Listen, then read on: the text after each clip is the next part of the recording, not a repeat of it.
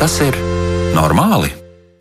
Esiet sveicināti! Vai tas ir normāli, ja es jūtos tik ļoti piekusis, ka nevaru vairs tā īsti apjēgt, ko tad rīt vajadzētu darīt? Vai tas ir normāli, ja es īsti nevaru saņemties eh, tādām nopietnām lietām? Un vai tas ir normāli, ka es tus, turpinu dusmoties uz savu ģimeni, jo nekādi mēs nevaram vienoties par to, ko tad gal galā likt galdā vakariņās? Vai tas ir normāli vai nē? Vai tiešām tā varētu būt, ka ikdienišķas lietas un arī lietas, kas reizēm ir saistīts ar ko lielāku, piemēram, ar darbu, var sagādāt tik daudz grūtību. Jā, šodien par to, šodien runāsim par to, vai tas ir normāli justies nogurušam jau vēl darba dienai nesākoties. Studijā Kristiāna Lapiņa, bet pie skaņu pults šovakar Kristaps Eida, un kā jau ierasts svētdienu vakaros, mēs tiekamies, lai runātu par psihisko veselību, dzīves kvalitāti un uzdotu visdažādākos jautājumus, ko nozīmē bailes, ko nozīmē tas, ka mums patīk skatīties seriālus vai lasīt zeltaino presi. Un aicinām jautājumu uzdošanā iesaistīties arī jūs klausītājus. Sūtiet savas pārdomas, atziņas, idejas uz raidījuma elektronisko pasta adresi, vai tas ir normāli at Latvijas radio.lv. Varat sūtīt ziņas arī Latvijas radio mājaslapā, atrodot raidījumu, vai tas ir normāls ziņojumu logu. Un tiešām gribu atkārtot pateikt lielu paldies jau tiem klausītājiem, kuri to aktīvi dara. Jūsu temati ir patiesi interesanti, un arī šis savā ziņā ir eh, temats, kurš ir tapis balstoties uz to, kādas ir bijušas jūsu atgriezeniskās saites un kas ir tas, ko jūs esat vēlējušies apspriest. Un raidījuma temats šodien, kā tad pasargāt sevi no izdegšanas, ielgušas krīzes apstākļos. Un tāpēc arī esam aicinājuši aicinājuši mm, raidījumā piedalīties viesus, kuri par to zina pietiekami daudz un varēs arī mūs izvadīt cauri visiem šiem zemūdens eh, ūdeņiem, kur ir nu, ļoti daudz izaicinājumu. Un eh, tā ir Agnese Orupe. Krī... Agnese Orupe, man tā vien gribas kaut ko vēl piebilst, bet labāk lēnāk. Agnese Orupe, kognitīva behaviorālās psihoterapijas speciālists. Sveicināta, Agnese! Labvakar. Laikam arī man kaut kā ķer tas nogurums cietais kājas, bet es ceru, ka tas nekā, nekā neizpaudīsies. Un vēl esam aicinājuši vēl vienu ekspertu, un tas ir Aivis Dombrovskis, psihologs un hipnoterapijas speciālists. Sveicināts! Labs vakars. Jā, nu lūk, eh, pirms mēs turpinām sarunu par eh, ielgušo krīzi, un krīze patiešām nu jau ir ilgu laiku, un eh, mēs varam teikt, ka tas galvenokārt, protams, būtu attiecināms uz pandēmiju, bet ne tikai uz to.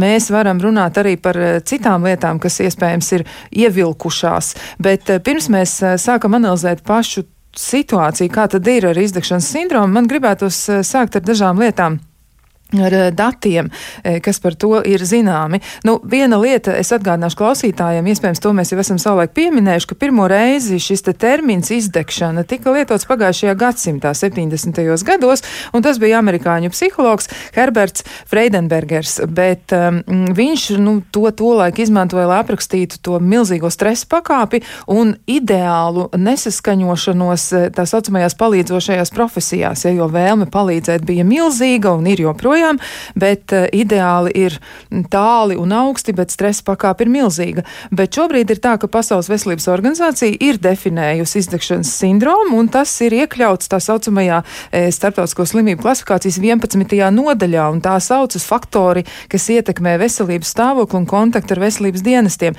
Bet ne vienmēr ir tikai tā, jo izdegšanas sindroms var skart jebkuras profesijas pārstāvi, un biežāk tas tomēr ir vērojams palīdzības sniedzošajiem profesiju pārstāvjiem pārstāvjiem, medmāsām, ārstiem, sociālajiem darbiniekiem un skolotājiem, kur ir ciešā kontaktā ar cilvēkiem, bet izskatās, un tā rāda dati, ka izdegšanas sindroms aizvien vairāk e, sāk attiekties arī uz tiem cilvēkiem, kuri nestrādā tādās kritiskajās profesijās, vai arī nestrādā sociāli palīdzošajās profesijās. Nu, lūk, un te nu man pirmais jautājums, e, un varbūt es šoreiz uzdošu pirmo jautājumu. Aivim Dombrovskim mēs ļoti, ļoti sen esam tikušies, un mums šoreiz ir iespēja virtuāli to izdarīt.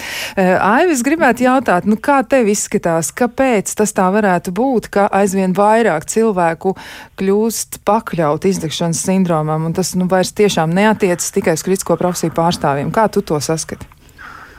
Mm, nu, man vispār jāsaka, baigi labi viss sakrities. Taisni šitās dienas gatavot priekš studentiem lekciju par stresu, par izdegšanu. Jā, nu tad dalies arī ar mums.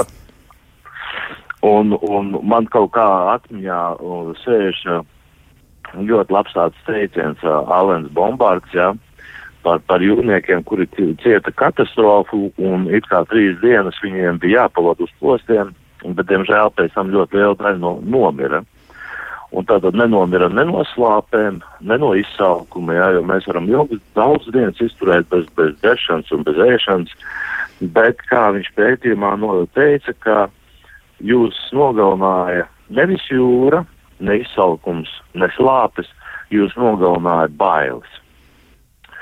Un, un šis ir tas faktors, jo, kā mēs arī paši zinām, psihoterapijā psiholoģijā, uh, bailes cilvēku sastindzina. Cilvēks nav plastisks vairs. Viņš, viņš uh, nu, to veco teicienu mēs zinām mežā, piemēram, ja, uh, ierauga čūsku, kas notiek pa čūsku, tie mīti, kas hipnotizē, kas skatās čūskai acīs, vai ne? Nu, čūska nevienu nehipnotizē, vai ne? Bet, bet tās ir mūsu bailes, ja? tās ir uh, bailes, kuras mums ir iemācītas, protams. Jo man pašam patīk, ka čūskām spēlēties mežā, un, es no viņām nebaidos, un viņas, nu, jā, žēl baidās no manis vairāk. Un te ir tā mūsu attieksme pret lietām.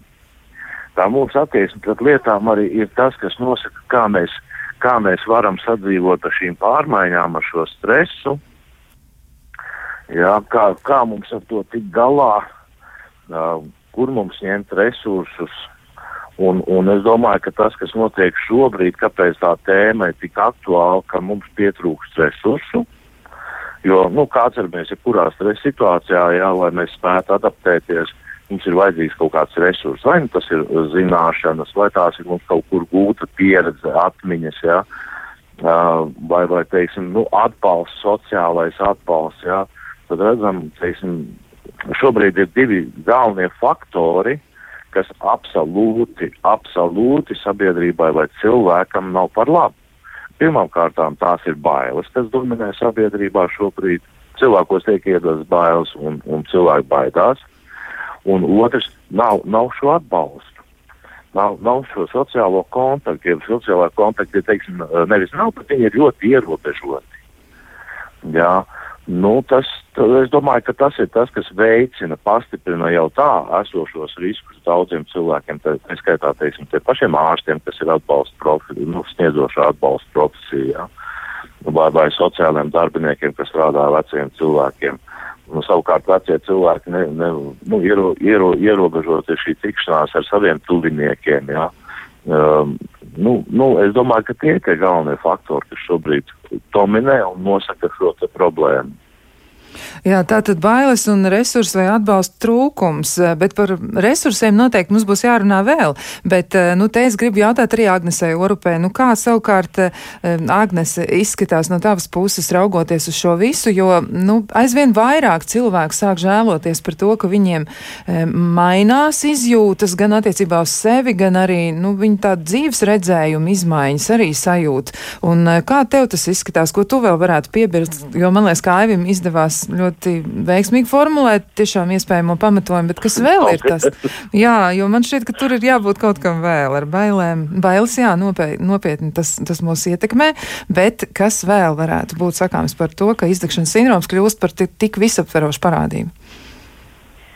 Es domāju, ka viena no lietām, kas, kas varbūt, varbūt mēs drusku varam vispirms ieiet tajā, kas notiek ar cilvēku, uh, kad viņš izdeg, un tad mēs varētu atgriezties pie tā, kas tad vēl to ietekmē.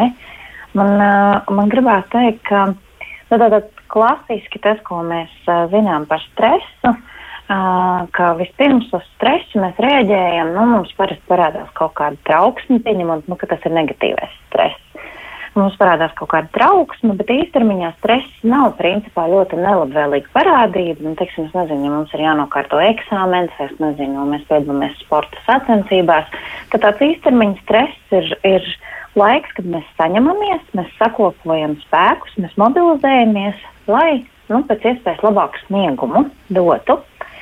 Taču, ja šis stress ieilg, tad nu, ķermenis vispār grib atgriezties atpakaļ nu, tādā normālā, veselīgā stadijā, ko sauc par homeostāzi. Un, ja viņš to nevar izdarīt, ja mums tas stress ir ieildzis, ķermenis cenšas stresam pretoties, bet, kā jau Ājus minēja, resursi sāk pietrūkt, nav vairs nu, tā baterija ir iztukšota, viņi vairs nevar uzlādēt pietiekami ātri, un nu, tie spēki sāk izsīkt. Un tad iestājās šis nogurums kurš uh, nu, tāds hronisks nogurums, kurš katram cilvēkam, par to mēs varam parunāt varbūt vēl vēlāk, kā viņš mēdz izpausties, jā, kurš, kurš vienkārši, ka ķermenim ir izbeidzies, nezinu, emocionāli, fiziskie resursi. Un mēs vairs netiekam ar to situāciju galā, respektīvi ir hronisks stress, uz kuru nav risinājumu, uz kuru ilgstoši nevaram atrast risinājumu. Un tad papildinot to, ko Aivis teica iepriekš, man gribās teikt, ka viens man liekas no tādiem ļoti izteiktiem, uh, uh, izteiktiem stresa avotiem šobrīd ir tas, ka tad, kad cilvēki ir piemēram mājasēdē, ir uh, konstantais lomu sajaukums. Jā, agrāk bija tā, ka mēs gājām uz darbu, mums bija laiks pārslēgties. Ok, tagad es eju uz darbu, tagad pa ceļam es bišķiņ tā kā pieslēdzos, kas tur notiks. Un mums nebija jārisina tūkstošiem lietas reizē. Tad tagad, esot mājās pie ekrāniem, ja, kad uh, vienam ir bērniņš, kurš raud, otrs saka, ka grib ēst, trešiem vajag palīdzēt mācībās, tev ir jābūt mammai, tev ir jābūt sievai, tev ir jābūt uh, maisēmniecei, tev ir jāpieņem kaut kādu sūtījumu, tu esi kolēģi, tu esi. Nu, tā kā viss notiek reizē, un smadzenēm vispār nav laika pārslēgties uz to, kas notiek, un tas jau vien rada milzīgu stresu. Nu, un, kā jau teicu, ja šis stress paliek bez risinājuma, ja nav iespēja uzpildīties, nu, tad, tad mēs sākam nogurt. Tur jau nav tik liela nozīme, kādas profesijas pārstāvji mēs esam.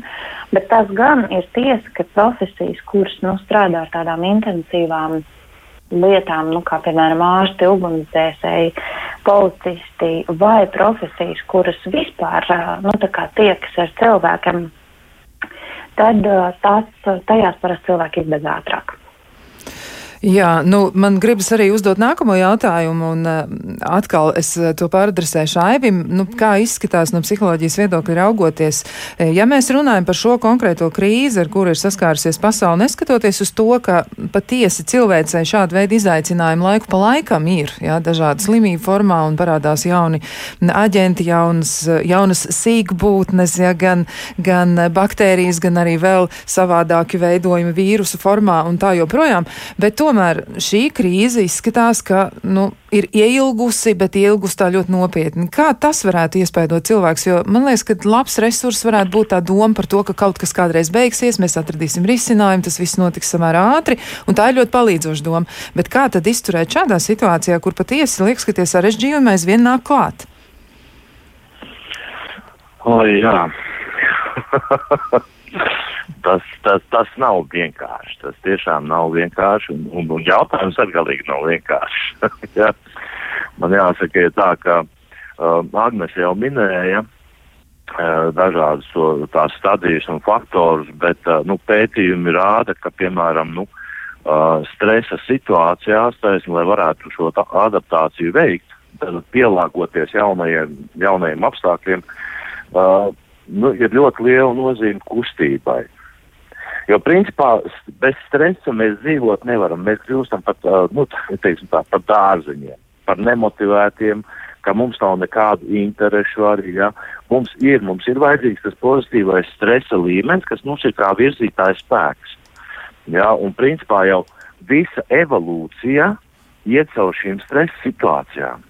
Jo tieši šī stresa situācija, kā mēs spējam adaptēties, ir tā, tā evolūcijas šķirošana. Ja? kad vājais tiek, diemžēl, bioloģijā ir tāds uh, nežēlīgs likums, vājais tiek likvidēts un izdzīvo stiprākais. Ja? Un šīs kustības, nu, e, tā, tas, tas nav zinātniski, tas ir mans tāds redzējums, ja? Ka šīs kustības ir taisnība tā ģenētiskā izdzīvošanas spēja, kas mūsos ir ielikta nevis mūsu pieredzē, nevis mūsu atmiņā, bet kas nāk cauri nevis simtiem gadu, bet miljonu gadu garumā, ja, ar gēniem, ko mēs saņemam no saviem senčiem, un to, ko šodien sauc uh, par to stratēģiju, uh, cīnīties vai bēgt. Ja? Un tad, ja mēs saprotam, ja mēs redzam tos pētījumus par kustībām, tad mēs ieraugam arī to šeit, šajā situācijā. Gan cīnīties, tātad uh, es eju uzbrukumā, es eju risinu problēmu, vai es bēgu. Un bēg, bēgšanas variants, protams, var fiziski bēgt, Un mēs bieži vien arī aizbēgam no kādām ekstrēmām situācijām, piemēram, vakarā vēlā vai vēl kaut ko. Ja? Bet ir vēl viens variants, ko, ko kognitīvie psihologi un pētnieki ir atklājuši, ka mūsu smadzenes jau nešķiro īsti. Viņas nešķiro to, kas notiek realitātē, vai to, kas notiek iztēlē, ar ko es arī kā te savā, uh, tagad jau saucās, psihoterapeita speciālista praksē strādāju. Ja? Tātad tas nozīmē, ka pat iluzors risinājums kādai problēmai mums ļauj saglabāt savu resursu un adaptēties situācijai. Nu, piemēram, kur šādi iluzorie uh, notikumi ir vai, teiksim, uh, kas ir šie iluzorie faktori. Uh, uh, tie ir dažādi tie mīti, ja, kā nu, pasaule jau tiks ar šo galā. Tas ir, es uzskatu, tas ir mīts, jo tā ir revolūcija. Un tieši tāpat tās Kristiāna, tu pareizi teici, visu laiku kaut kas mums nāk. Jautājums ir tajā, kā mēs tam spēsim pielāgoties, kā mēs ar to sadzīvosim. Jo slimības nepārtraukti nāk. Viņas nāk un nāks, jo tā ir tā bioloģiskā atlase. Paliek stiprākais, vājākais, diemžēl, aiziet. Bet šeit mums vajadzētu varbūt padomāt par to iluzoro pasauli. Es, es kā piemēru pateikšu, šādās situācijās es esmu atradis sev labu risinājumu. Man ļoti patīk saule, man ļoti patīk jūra. Un es agrāk, bija iespējas, tagad tās iespējas ir ierobežotas ļoti, ļoti. Es braucu ļoti bieži atpūsties uz zēģi. Bet tagad, kad es jūtu, ka man galīgi kaut kas nav tā kā vajag, es vienkārši aizveru acis un iztēlojos, ka es at, aizēju savās atmiņās atpakaļ uz to vietu un, un ticiet, neticiet, es jūtos pēc tam krietni labāk. Es iegūstu resursus. Jā, ļoti labs paņēmiens, un tas jau ir mazliet pasteidzoties uz priekšu arī par to, kur var gūt resursus un iztēle vai iztēles vingrinājumi, vai arī atmiņu aktivizēšana ir lielisks uh, resurss. Tiešām tas ļoti, ļoti palīdz. Bet vai balstoties uz tevis sacīto varētu būt arī tā, ka palīdz arī doma par to, ka risinājums būs, jo ja cilvēks domā par Jā. to, ka risinājumu nebūs, viņam varētu būt grūtāk. Bet, uh, bet Kristiāna, tā jau nav pareiza arī doma, ka risinājuma nebūs. Risinājums jau Kristiāna būs vienmēr. Saproti? Jā, nu tā tad. Atri, atrisināsies, mm -hmm. atrisināsies vienmēr. Jautājums vienmēr ir, vai tas risinājums mums patīk vai nē. Nu, bet risinājums ir vienmēr. Tas gan, nu, tas arī savā ziņā paskaidro to domāšanas eh, nu, veida vai domu satura jēgu, bet eh, te man liekas, vajadzētu mums arī pievērsties tam, kā tad īsti izpaužas izdegšanas sindroms, jo daži cilvēki arī īsti to neatpazīst, un reizēm ir tā, ka, nu, pirmā doma, kas varētu parādīties, vai nu ar mani kaut kas nav kārtībā fiziskā veidā, vai arī, nu, varbūt man ir sākusies depresija. Nu, te atkal es došu vārdu Agnesei. Varbūt tu vari aprakstīt, kā izpaužas izdegšanas sindroms un kā to varētu atpazīt precīzāk, vai tiešām tas ir tieši tas? Mm -hmm.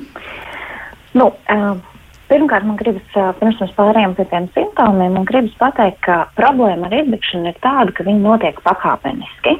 Un cilvēki faktiski plaši nepamana to brīdi, kad, uh, kad tā situācija paliek bīstama. Mēs nemaz tik labi neorientējamies, uh, cik ir un kādi ir mūsu spēku limiti. Uh, Un kad viņi beidzās, nu, ja telefonam baterijai godīgi tiek rādīts, ka rekur ir tik un tik procenti palikuši, un kaut kad viņi sāk mirgot sarkani, ja, tad mēs nemaz tik labi nezinām, cik procenti mums ir palikuši un kurā brīdī mūsu baterija ir sarkana. Bet izdegšana katram, katram cilvēkam um, tieši simptomātiski var izpausties dažādi, bet nu, tādas trīs galvenās iezīmes, uh, ko var novērot, ir pirmkārt uh, nu, emocionāls vai fizisks spēka izsīkums. Otrakārt, parādās tāds cīnisms, negatīva attieksme. Respektīvi, tā ir tāda aizsardzības reakcija, kas ir vērsta uz citiem cilvēkiem, ka mēs sākam, mums parādās tādi kaut kādi ļauni jociņi, ja, mēs paliekam ļoti sarkastiski, ja, pēkšņi kaut kas tāds, ko mēs pat varbūt sevī nemaz neatpazīstam. Un trešais, ko parasti cilvēki novēro, ka mēs kļūstam neefektīvi, neefektīvi ka mums zūd efektivitāte. Sākumā tā sajūta rada tādu lielu iekšējo spriedzi, varbūt pat kādam vainas izjūtu, ja kāpēc es nestrādāju tik labi kā iepriekš, vai kāpēc es netieku galā ar visiem darbiem. Pēc tam mēs pamanām, ka sāk pieaugt kļūdu skaits, un tā kā nu, tā efektivitāte sāk zust. Un savukārt, ja mēs atgriežamies pie tiem emocionālajiem un fiziskajiem simptomiem, nu, tad tie gan var būt ārkārtīgi dažādi, nu, tādi tipiskas lietas, cilvēkiem ir, parādās miega un ēstgribas traucējumi, turklāt varētu tie būt abos virzienos. viens var sākt ēst ļoti daudz, otrs atkal pārstāt ēst, vai arī viens sāk gulēt, un, un, un atkal otrs nevar vispār aizmigt. Tur var parādīties tādas lietas kā galvas sāpes, var pašam var šķist, ka vairs neko neatceros, ka grūtības koncentrēties. Uh, mm, varbūt kaut kādas, nezinu, pēkšņas garu stāvokļa maiņas, um, var parādīties trauksme, uh, grūti pieņemt lēmumus, parādās kaut kāds neizskaidrojums dusmas vai viss sāk kaitināt. Ja? Depresija arī patiesībā var būt izdegšanas, uh, izdegšanas tāds simptoms, tāda nomāktība, vai arī skumjas, pēkšņas raudāšanas lēkmes, um, bezcerības sajūta. Pat kādam var arī pašnāvības domas parādīties, nespēja baudīt. Nu tā, cilvēki nereti ķerās pie alkohola vai kaut kādām vielām, tas arī ir tāds simptoms, vai sāk izolēties no draugiem, kļūst vienaldzīgi. Nu tā, nu, tā kā diezgan, diezgan daudz kas, nu, diezgan liela buķete.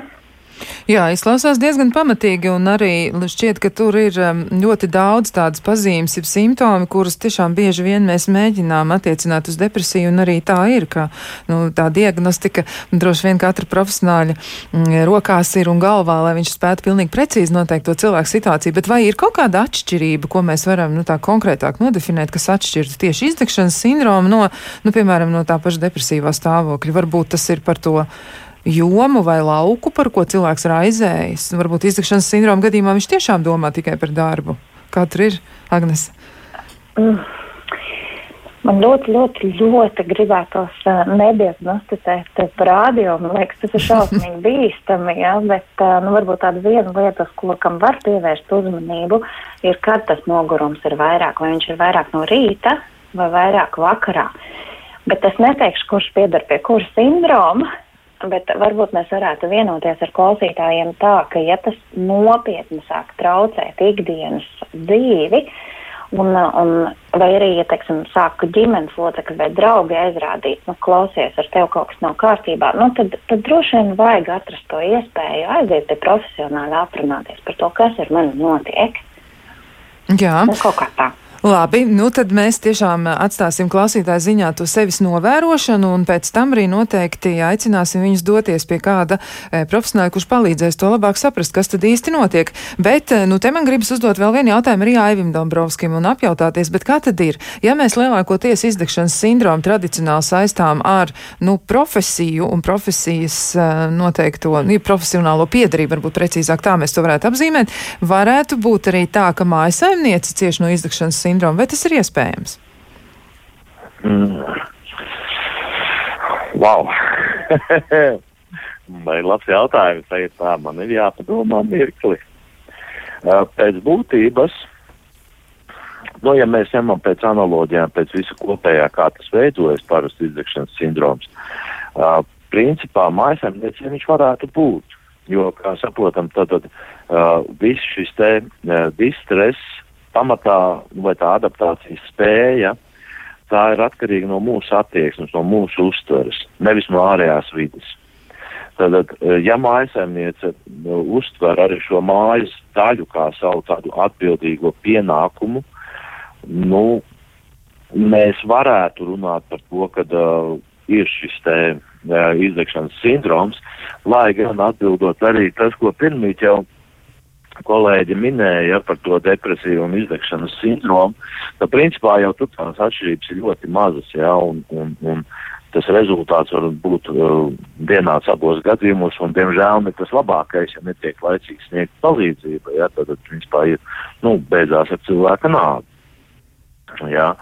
Tā kā, nu, ja mēs skatāmies no tā skatu punkta, tad es domāju, ka mēs varam runāt Bet nu, izdegšanas sindroms tomēr vairāk attiecināms ir uz darba jomu. Tā pašā laikā, teiksim, nu, uh, ja tā depresija, tad tas vairāk tikai uz personību tieši orientēts ir, jā, ka tas parādīsies visās jomās, bet te pašā laikā, ja mēs skatāmies izdegšanas sindroms, kad absolūti, nu, nav, nav, nav nekādu šo resursu ir izsīkums, jā, kad, teiksim, kas vēl parādās, um, kad uh, nav šīs jēgas, ja, ka zaudē jēgu. pazaudē jēgu darbam un tā tālāk, tad jau tas parādās arī uz citām jomām tomēr. Mēs nevaram novilkt tik ļoti krasu robežu starp abiem diviem rādītājiem. Bet tā noteikti, noteikti būtu jā, jāskatās uz to, kas ir cēloņa apakšā kāpēc ir šīs stāvoklis nokļūst tāds, kāds viņš ir tam cilvēkam, kāpēc viņš nokļūst tur.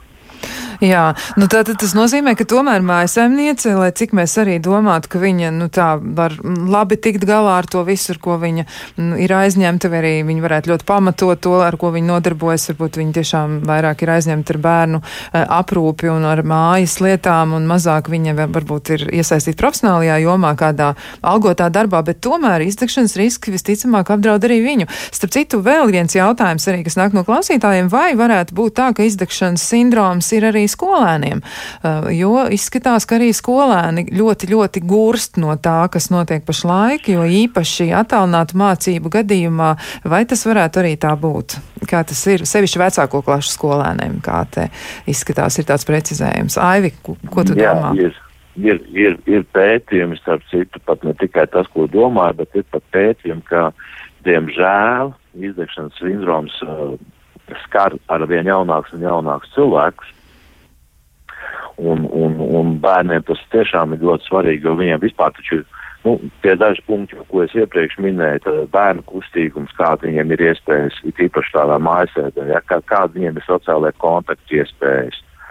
Ja, tas, ka viņi sēž virtuālā pasaulē, viens ar otru komunicē, nu, mēs vienkārši darām pāri bērniem ar to visu, protams. Ja. Un bērniem slodze, diemžēl, arī ir diezgan liela. Un, kā mēs zinām, teiksim, it īpaši šajā tālmācībā, nu, ne, ne, nevar nodrošināt to, ko nodrošina skolotājs klasē. Es pats esmu nostrādājis daudzus gadus par bioloģijas ķīmijas skolotāju. Nu, klasē tā ir cita atmosfēra. Tas ir, ka tu viens otram kaut ko vari pajautāt, tev ir kontakti, tev ir komunikācija, tev ir atgriezniskā saite. Protams, tehnoloģijas nodrošina ļoti daudz ko mums šodien. Ļoti daudz.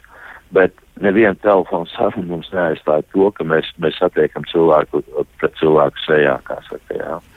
Jā, jā, tas ir iespējams, jo skolēna darbs ir mācības, tātad viņš strādā. Jā, tātad tas nebūs nekas eh, neparasts un neiespējams, un vecākiem arī tad mēs varam, nu, kā saka, likt aiz ausību, aicināt viņus apdomāties par to, varbūt, ka patiesi tā bērnu slodzība, skolēnu slodze ir pārāk liela. Jā, nu, daudz ko mums vēl par šo visu ir, mm, ko apspriest un ko jautāt, bet to mēs darīsim pēc ļoti īsa brīža.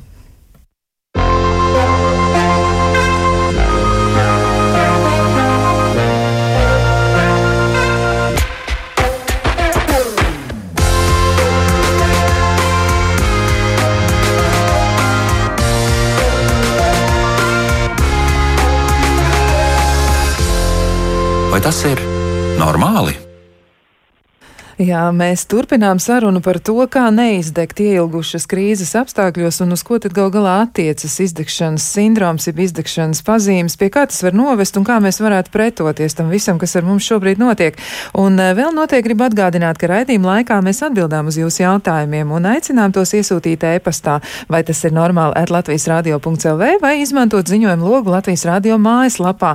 Un vēl noteikti arī atgādināšu par pieteikšanos podkāstam. Ar šādu pašu nosaukumu ir arī podkāsts podkāsts ir ierakstīts diezgan daudz sērijas, kuras jūs varat noklausīties arī izmantojot Latvijas sabiedrisko mēdīju mājaslapu, vai arī meklējot to, e, tos caur Latvijas radio mājaslapu, un arī tur jūs varēsiet ļoti veiksmīgi to atrast. Bet e, paši pieteikties un piedalīties šādā virtuālā sarunā jūs varat tieši tāpat rakstot uz e-pasta adresi, vai tas ir normāli at Latvijas radio.lv. Un mēs noteikti ar jums sazināsimies. Bet atgādināšu klausītājiem arī, ka šodien sarunā piedalās Agnes Orupe, kognitīva behaviorālās psihoterapijas speciālists speciālistu, un vēl esam arī aicinājuši sarunā Aivi Dombrovski, kurš ir psihologs un hipnoterapijas speciālists. Nu, lūk, un vēl arī no klausītājiem ir daži jautājumi. Par izdegšanas sindromu tajā nozīmē, kā to var pamanīt kolēģi vai arī darba devējs, jo reizēm izskatās arī, ka darba devēja atbildība zināmā mērā tā varētu būt. Tajā nozīmē, ka varbūt tur kaut ko var darīt. Nu, Agnese, kā tev tas izklausās? Kā to var pamanīt pārējie cilvēki, kas ir blakus, eh, ka tas varētu būt izdegšanas sindroms, kurš ir piemeklējis kolēģi?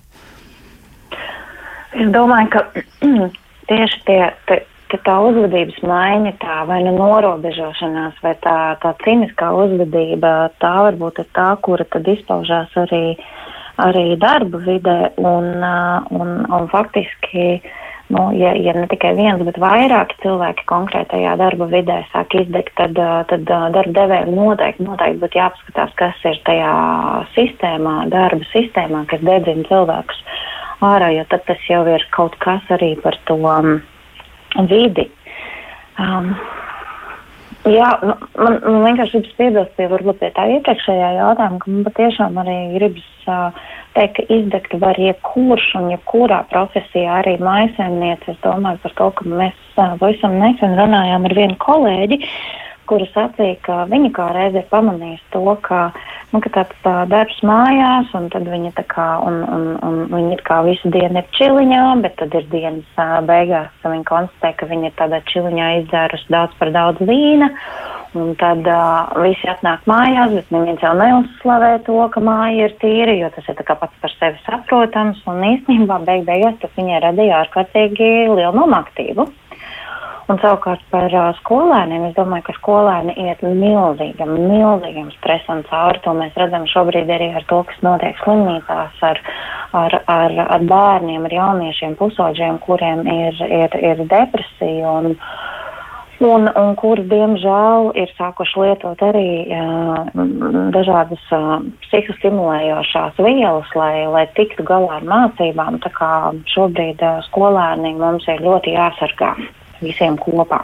Jā, nu tā, bet es nezinu, es atbildēju uz tavu jautājumu. Tu daļai atbildēji uz manu jautājumu, jo man gribas vēl arī uzdot otru jautājumu daļu, ko klausītāji ir uh, iesūtījuši. Un uh, otra jautājuma daļa ir tāda, kā to varētu mainīt, ko tad varētu darba devējs darīt šajā situācijā. Nu, ja viņš saprot, ka kaut kas nenotiek tā, kā vajag, un ka darbiniekiem ir ļoti, ļoti grūti, un varbūt kāds ir arī atlūgumu uzlicis galdā ja, un saka, nu viss, es vairs nevaru pastrādāt, es eju prom. Ko tad varētu mēģināt saprast par šo situāciju? Kā to varētu darba devējs? mēģināt uh, izprast un ko viņš varētu iesākt, Agnes? Mm -hmm. Es domāju, ka viena no lietām, ko darba devēji var darīt, šobrīd ļoti, ļoti palīdzēt saviem darbiniekiem ar, ar kaut kādu robežu nospraušanu. Um, tajā ziņā, lai, lai, nu, lai nav šis konstantais mājas un darba sajaukums, nu, lai tomēr ir kaut kāda iespēja nodalīt to. Ja ir iespējams, nu, teiksim, palīdzēt, un daudz darba devēja to arī dara, nu, teiksim, ar, ar palīdzēt mājās apgādāt ar kaut kādām tehnoloģijām, kuras, lai cilvēkiem ir ērtāk strādāt, bet noteikti sastādīt grafiku un vienoties par to, no kuru līdz kuram laikam tie cilvēki ir pieejami un pēc kura laika viņiem, viņus netraucē un ļauj viņiem būt savā vidē. Nu, lai nav tā, ka visu laiku nāk ēpasti, visu laiku uz viņiem ir jāatbild vai var visi sazvanīt jebkurā laikā. Uh, Tā, man liekas, ir tāda viena lieta. Otra lieta, kas man liekas ir tāda ļoti jauka, ko es arī uh, dzirdu no saviem klientiem, ka darba devēji uztaisa tādas nu, virtuālās virtuves sarunas. Nu, ka, ka, lai cilvēki nebūtu vientuļi, tad, teiksim, reizi dienā uz 10, 15 minūtēm visi kolēģi pievienojās, un, un ir vienkārši tāda pačatošana, patriekšana par visu un neko. Tur nav nekāda darba satura, bet vienkārši tāds, nu, sakonektēšanās savā starpā, saprašana, ka, hei, reku kolēģi tur ir, reku mēs visi esam cilvēki, kā katram iet, un, un tā, man liekas, ir arī tāda jauk, jauks veids, nu, ko, ko dabiskajā vidē mēs izpildītu aizējot uz virtuvi un iedzerot kopā kafiju vai pusdienās aizējot. Bet tad arī, piemēram, var visi kopā pusdienas ēst. Jā, protams, viena lieta, kas ir jāatcerās, ka Un to mums arī pētījumi šobrīd rāda, ka uh, redzes nogurums no sēdēšanas pie ekrāniem rada arī fizisku nogurumu visam ķermenim. Tā kā mums ir arī ļoti jācenšas līdzsvarot sevi sargājot laiks, ko mēs pavadām pie ekrāna, un laiks, ko mēs esam prom no ekrāna. Tā kā to vajadzētu ļoti sekot katram pašam līdzi un, un limitēt. Un varbūt arī darba devējs var teiksim, ieviest kaut kādas stundas, kad visi zina, ka okay, no 10 līdz 12 mums ir sapulces, bet teiksim, no 12 līdz 2 pie ekrāna nekas nenotiek. Un tad cilvēks var iziet pastaigāties vai, vai kaut kā tā. Jā, izskatās arī, ka kopumā droši vien tāda, nu, kā lai saka, tāda personāla politika, jā, vai arī tās lietas, ko mēs attiecinām uz tādu, nu, ierasto darba vidi, kādas ir bijušas, tagad tām būtiski būtu jāmainās, jo, jā, darbs notiek attālināt un, nu, paredzams, ka vēl ilgu laiku tas tā varētu arī būt. Droši vien, ka tur ir jāpārskata tie iepriekšējie mehānismi vai ierastās prakses, kā tas varētu izskatīties nākotnē. Tas, Agnes, tieši ko tu stāsti. Bet uh, man jautājums tagad būs savukārt Aivim. Bet, uh, jā, jā tu gribi piebilst. Noteikti. Jā, protams, Jā. protams, papildini. Nu, tieši par to, kā darba devēja tieši tā, ja, teiksim, nu, cilvēkiem nav, nav studējuši un tā viņi, teiksim, nesavalk daudz lietas, tad, nu, tās pazīmes ir ļoti vienkārši. Uh, pazinās darba kvalitāti tam darbiniekam, nu, attiecībā viss, viss notiek salīdzinoši, ja, attiecībā pret iepriekšējo darba periodu. Tātad darba kvalitāte, apjoms palie, samazinās, vairāk kļūdas tiek pieļautas. Cilvēkam var sākt pamanīt, ka kaut ko viņš sāk vairāk neatcerēties, jo, jo patiešām ir atmiņu traucējumi rodas, jā. Vai neuzmanīgs ir, un arī var kavēt darbu, vai, teiksim, cilvēks sāk uzņemties vairāk nekā viņš vispār spēja izdarīt. Tad var redzēt, ka, nu, tu nevari to izdarīt, kāpēc tu uzņemies. Jā, un tāds risinājums atkal savukārt mājas apstākļos, kā to darīt, tas man liekas, ka man ir ļoti labs risinājums. man, jā, pat cik ļoti bieži nāk, iznāk strādāt, tieši tāpatās no mājas ar klientiem. Tā, tad man mājās ir reāli viens stūrīts iekārtots, kas ir tā kā mana darba vieta, lai būtu tāda robeža. Lai nav jāiet uh, divānā vai gultā vai, teiksim, vēl kādā citā vietā strādāt, tā kā apmēram sunītim ir stūris, kur nokārtoties. Tātad man ir savs stūris, kur es kārtoju savas darba lietas un izējot no darba stūrīša, es nedomāju par to, ka man kaut kas būtu jādara. Un tas palīdzēs cilvēkiem šajā mājasēdes laikā arī justies labāk. Jo, teiksim, tīpaši mājasēmniecēm, iedomājieties, ja es, ne, es nestādos priekšā kāds sievietē, sēž strādā, turpat tās tev jāiet taisīt ēst bērniem, tur tev tas pats. Nē, tagad. Tad noliekam, kad es sēžu šeit, mani netraucējiet, es esmu darbā. Tādas lomas sadalīt mazliet. Jā. Un, jā. Ja pat tas nav iespējams, teiksim, varbūt tā kā Aivis saka, varbūt, nu, ja ir tā dzīves platība, teiksim, maza un nav, varbūt nav iespējams atsevišķi katram stūrīt iekārtot, tad kaut vai simboliski galdautiņu uzklāt, tagad es strādāju, un tad, kad galdaut es noņem, tad darbs ir beidzies, un tad datoru var izmantot spēlēm un kaut kam citam. Jā, ēnkus veidot. Ēnkurus, veidot ēnkurus. Kādus vēl ēnkurus varētu izveidot? Varbūt ir arī vērtīgi veidot ēnkurus attiecībās. Tajā nozīmē, ka nu, tomēr ir mm, jāmēģina arī noteikt droši vien pašiem sev, nu, kā, kā es komunicēju ar citiem cilvēkiem, kā tas notiek, jo reizēm arī tur tās robežas ir ļoti grūti novilkt, un tā saruna ar priekšnieku, kura ir acu mirklī, ja, gandrīz bez pauzes, bez jebkādas pārējas, mēs sākam runāt ar saviem bērniem. Ja. Nu, varbūt, ka tur arī ir zināmas grūtības. Kā Kā tas jums izskatās? Varbūt Aivis vispirms un pēc tam Agnes varētu piebilst kaut ko. Kā tur ir ar attiecību organizēšanu? Nu, attiecības šī situācija jau kopumā, es domāju, ka ļoti daudz ko parāda, kas vispār notiek mūsu ģimenēs, kas notiek mums mājās, kad mēs beidzot ar savu partneri, vīru, sievu tur esam no rīta līdz vakaram kopā, ja, ka mēs esam ar bērniem kopā, ar darba devēju kopā, viss vis vienā lielā putrā. Ja? Jā, attiecībās ir, jebkurās attiecībās vienmēr ir robežas. Te mēs nerunāsim par vecāku bērnu attiecībām, lai gan arī bērnu un vecāku attiecībās arī pastāv robežas, kuras tiek veidotas bērnu augot. Ja? Un, un tiek liktas šīs robežas, kas ko drīkst, ko nedrīkst, un ka, kur ir man, mans lauks, kur ir tavs lauks, ja, un tā tālāk.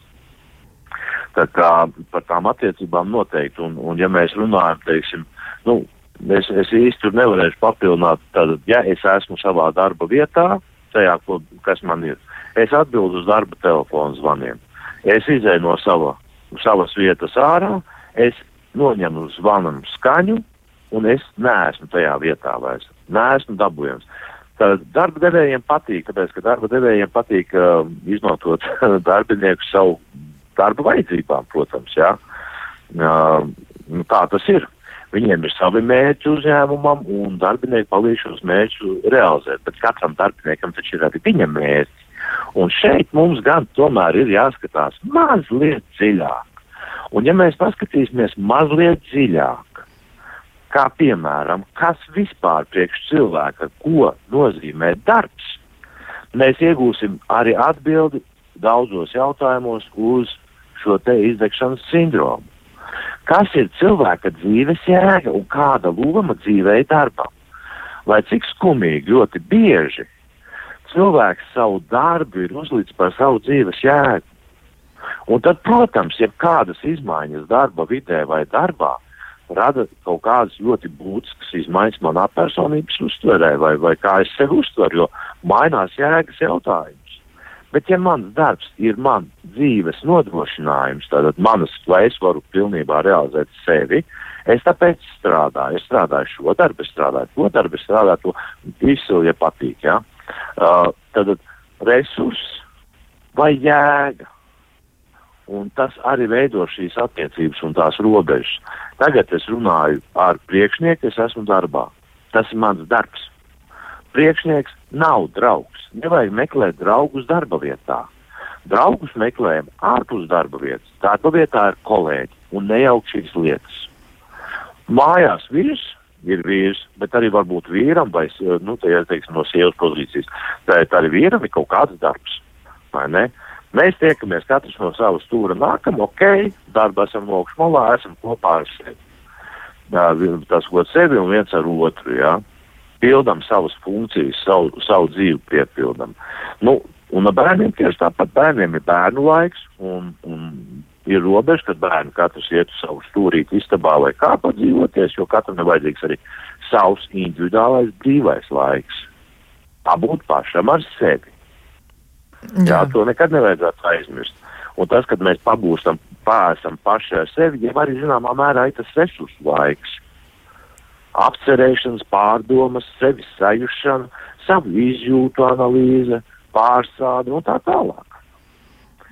Jā, tā tad nu, laiks, tā, tā la, laiks sev kā resurs. Jā, nu noteikti arī tas ir sarežģīti, jo šādā situācijā apdraudot mūsu visus izdegšanas sindromam, tā ēna tiešām liekas tāda milzīga. Tas varētu būt grūti to savu laiku rezervēt pašiem sev, jo liekas, nu tas taču ir tik ērti. Māma it kā ir darbā, bet viņa taču ir tepat, un arī tas tēcis ir tik viegli sasniedzams. Nu jā, Nāgnes, nu kā tev izskatās, kā tas ir, nu, ka cilvēkiem ir grūti tās lomas nodalīt, un reizēm tiešām ir bijis tāda ļoti kaismīga saruna ar, ar, ar šefu, un tūliņ pat turpat ir kāds no ģimenes blakus, un gandrīz vai nav laika tās emocijas kaut kur nolikt malā vai saprast, kas vispār ir noticis, un tūliņ pat mēs arī esam jau citās attiecībās. Kā tās attiecības vēl varētu palīdzēt paši sev mēs organizēt? Jā, un es domāju, ka vispār nu, tas, ko mums ir arī zinātnē un pētījumi parādījuši, bija tāds laiks, kad, kad ļoti tika izcelts un slavināts tāds multitasking, vairāku lietu darīšana reizē. Faktiski pētījumi parādīja, ka tas cilvēkam galīgi nenāk par labu un ka smadzenes ar šo netiek īsti labi galā un ka cilvēkam ir vajadzīga pārslēgšanās no vienas aktivitātes uz otru un vajag laika drusku viņām starpā. Lai smadzenes noslēgtu vienu procesu un varētu pieslēgties nākamajam. Uh, Bet es domāju, nu, neko, neko fenomenāli jaunu jau šeit mēs pateikt nevarēsim. Es domāju, ka tas, kā mēs varam sevi sērgāt no šīs izdegšanas, nu, tur ir tādas divas, manuprāt, divi pamatakmeņi, divi stūrakmeņi, kas mums ir jāievēro no vienas puses. Tas ir šī veselīgā dzīvesveida pamatprincipi, kas sākas vienmēr ar kvalitatīvu miegu, un cilvēkam vajag astoņas stundas gulēt. Um, nu, plus mīnus, bet tomēr astoņas ir tas ieteicamais uh, stundu daudzums.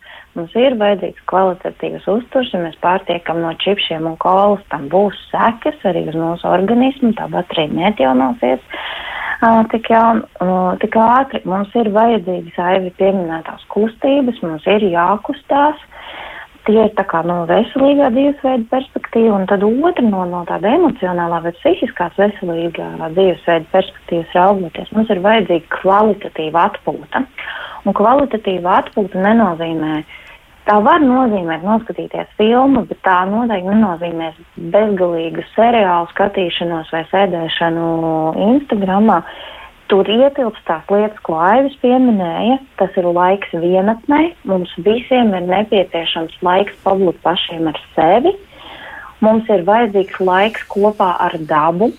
Mēs ļoti atjaunojamies tad, kad esam dabā, un arī tā ir iespēja patiesībā iet pastaigāties, pabūt uh, vienatnē. Uh, to var apvienot, protams, nav obligāti. Mums ir vajadzīgs, mums, mums ir vajadzīgi mūsu draugi un mūsu kaut kāds sociālais lokus, nu, kas nav visu laiku vieni un tie paši cilvēki.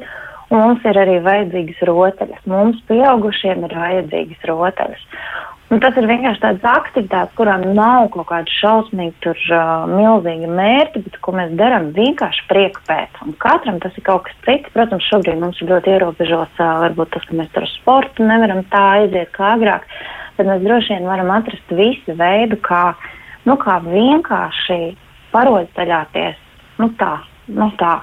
Nu, kaut kā, nezinu, izskrieties ar suni vai, vai, vai nezinu. Um, nu, kaut ko tādu izdomāt, kas vienkārši sagādā prieku. Jā, nu diezgan daudz. Jā, labi, jā, jā Aivis, saki, saki, viss kārtībā. jā, man ļoti patīk šis te vārds parotaļāties. Un īstenībā es tikai Agnes varu apstiprināt tevis, eh, tev, tevis teikto. Un, un Agnes noteikti pieaugušiem vajag rotaļāties uh, visā pilnajā šī te vārdu uh, spektrā. Tā izskaitā arī divatā tikai rotaļāties. Jā, noteikti arī Jā, tās. Noteikti, noteikti arī tā. Jā, pē, pētījums, starp citu, apliecina par eh, fiziskajām aktivitātēm, nu, ja ne, ne par rotaļām gluži šoreiz, jā, bet par to, ka aktivitātes ir nepieciešams, tās ir vismaz 150 minūtes vidējas eh, aktivitātes vai arī 75 minūtes intensīvas slodzi nedēļā ir nepieciešama. Nu, tātad mēs eh, citādi nemaz laikam īsti nevarēsim tikt cauri šai krīzei. Bet vēl man viens jautājums arī, nu, par to jūs minējāt par resursiem abi divi, bet varbūt ir vērts tomēr pievērst katram cilvēkam pašam uzmanību sev, kāds tas viņš ir. E, varbūt ir arī vairāk tādi, nu, nu, tāda ne, nevar gluži, mēs viņus droši vien nodēvēt, nevaram gluži par cilvēku tipiem, bet varbūt tomēr ir nu, kaut kas tāds, kas ir sakāms par cilvēkiem, kuri ir tai riska grupā, ja riska zonā atrodas, ja kuri vairāk varētu tikt pakļaut izdegšanas sindromam un viņiem piemīt kaut kādas specifiskas iezīmes. E, varbūt, ka Agnese varētu mēģināt raksturot īsos vārdos, nu, kuriem cilvēkiem vajadzētu vairāk uzmanīties, jo viņus patiešām izdegšanas sindroms varētu apdraudēt vairāk. Nu, man uzreiz pirmā doma, kas nāk prātā, ir, nu, ka viņi ir ar tie, tiecību izteikti uz perfekcionismu. Varbūt ir vēl kādas iezīmes.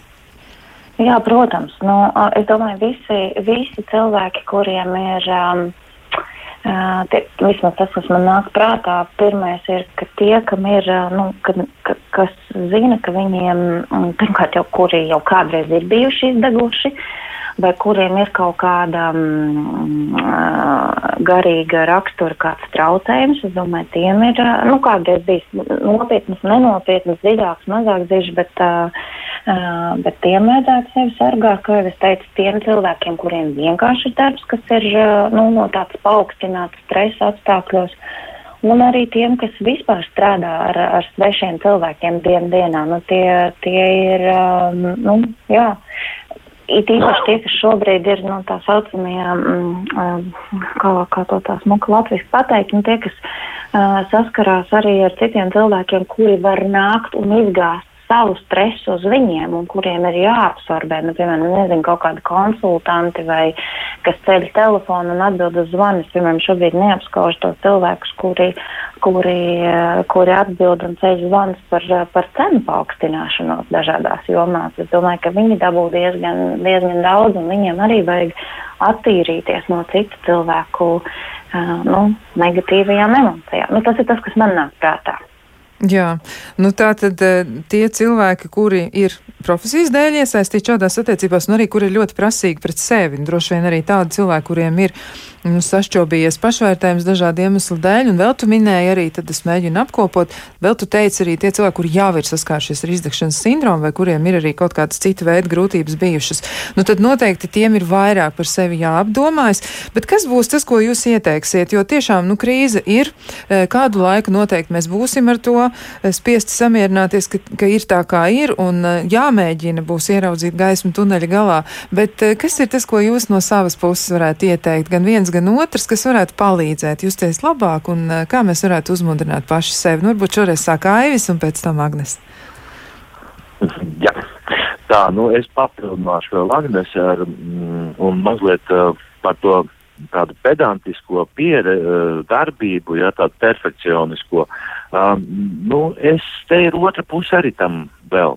Iedomājieties, ja cilvēks ļoti perfekcionists, perfekti cenšas kaut ko izdarīt, viņš arī var nonākt meditatīvā stāvoklī. Un īstenībā tas var būt uh, pat palīdzoši. Ir meditācijas, kad uh, tādas lietas dara. Jā, tā kā tur, tur var arī jās, jāskatās, bet viennozīmīgi pētījumi pierādījuši to, ka uh, cilvēki, kuri sev dzīves nozīmīgos periodos ir piedzīvojuši ļoti nopietnu stresu vai tādu traumatizējošu stresu, ir ļoti augsta riska grupa, kas pakļaujas šim izdegšanas sindromam. Tā, tā var būt bērnība, tā var būt arī vēlāks laika periods, bet tā tad ir riska grupa. Un es domāju, ka tas variants, kuri jau ir reiz piedzīvojuši šo izdegšanas sindromu, viņi ir tajā riska grupā un tieši tāpēc viņiem pastāv iespēja atkal un atkal piedzīvot. Un mums vienmēr jāatcerās, ka iziet no izdegšanas sindroma sekām ir ļoti ilgs laika periods vajadzīgs ļoti ilga laiks, laiks jāpaiet, ir, jā, jo tur ir, nu, ir nopietni arī bojājumi cilvēkam.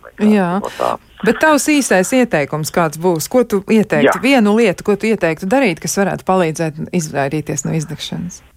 Es saprotu, mēs jau laikam tā kā tuvojamies ar finālu. Jā, jā, diemžēl mums ir fināls, bet mēs nu, kādā brīdī noteikti atgriezīsimies pie šīs sarunas. Redzi, kā es savu stresu mazināju, man arī šī bija stresa pirms šīs sarunas, jā. Un es mazināju tā, ka es uzrakstīju tādu novēlējumu, ko principā jā, izdariet cilvēku un, un super būs, jā. Un, ja es drīkst, es to novēlēju kā ieteikumu. Labi. Kas ietvers vairākus punktus. Labi. Pasaules laimi atstājiet pasaulē, meklējiet un atrodiet savu. Pasaules jēgu atstājiet zinātnē un reliģijai, atrodiet savu dzīves jēgu. Pasaules problēmas atstājiet pasaulē, Sāciet risināt savas problēmas. Pasaules slimības atstājiet pasaulē. Stipriniet sevi fiziski un psiholoģiski un dzīvojiet veseli. Ja jūs, jo jūs esiet pasaules daļa, un ja ar jums viss būs kārtībā, tad arī ar pasauli būs viss kārtībā. Tāds ir mans novēlējums, kā iziet no šīm visām situācijām. Ai, cik jauki, paldies tev. Tas patiešām ir ļoti uzmundrinoši. Tas ir tieši tas, kas šobrīd ir vajadzīgs. Agnes, un ko tu piebildīsi arī ļoti īsi? Jā, nu ko nu pēc šī vairs var piebilst? um, jā, eh, es nezinu, nu tā, nu tā, tā ēteriski raugoties, man gribētu teikt, ka ir ļoti svarīgi kaut kur iegūt cerību, cerības avotu. Un, Es, piemēram, vakar tādu sajūtu, es ar vienu aci redzēju kaut kādas ziņas, un uh, es tā ļoti neiedziļinājos, kas tur notika, bet tur tika runāts par to, ka Covidam ir zāles, sāk izstrādāt. Man tas iedod uzreiz tādu uh, atvieglojumu. Man liekas, wow, cik forši. Un tad es tā kā pie sevis tā iečakojos, ok, nu tad tas nozīmē, ka gada laikā noteikti šis viss beigsies. Vai tā ir vai tā nav, es nezinu, bet man ar šo cerību pietika, lai es sajustos stipri labāk. Un varbūt katrs mēs varam pameklēt, nu tajā Pandoras lādē varam pameklēt to cerību. Bet savukārt no tādiem praktiskiem, absolūti praktiskiem ieteikumiem menedžēt ne tik daudz laiku šajā šajā dzīves brīdī, bet vairāk menedžēt savu enerģiju, nodarboties ar enerģijas menedžmentu.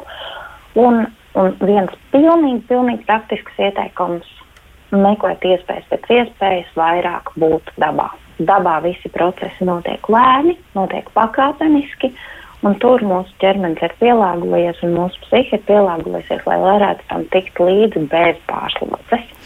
Jā, labi. Nu, tad to mēs arī paturēsim prātā. Un izdegšanas sindroma problēmu mēs noteikti arī kaut kur paturēsim prātā, bet uh, mēģināsim tam visam pretoties. Galu galā krīze noteikti nebūs tā, kas mūs uzveiks. Mēs būsim stiprāki. Paldies Agnesei Oropei, Aivim Dombrovskim, bet mēs ar klausītājiem savukārt tiekamies nākamajā svētdienā. Un tad jau arī uzzināsiet, par ko mēs jautāsim, vai tas ir normāli. Visu labu!